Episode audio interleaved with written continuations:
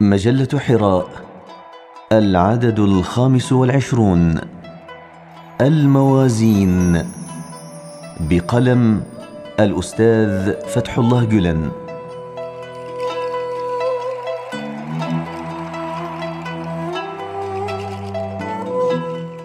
تعلمنا الكثير وقرأنا الكثير وكتبنا الكثير.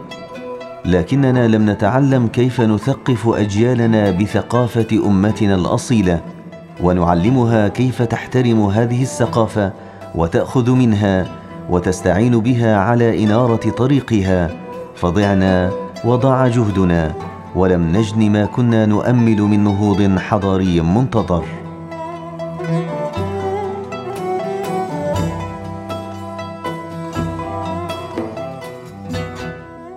ارتقاء الأمم وتفوقها منوط بارتقاء أفرادها وارتقاء أفرادها منوط بعلو مناهج التثقيف الذهني والوجداني الذي يربط بين حرية الضمير والواقع المعيش.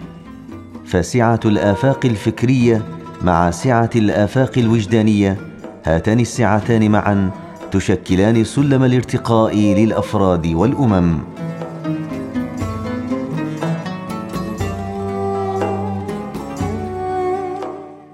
الأمم التي لا تراجع نفسها بين الفينة والأخرى ولا تنقد نفسها وتقوم أخطاءها وتتثبت من سلوكها للطريق الصحيح ولا تستفيد من عبر التاريخ وتجارب الأجيال السابقة فإنها ستتشعب بها الطرق وتختلف بها الاتجاهات وتضيع وتتشتت وهذا بالتالي يؤدي إلى تأخرها ويمنع تقدمها ويعرقله.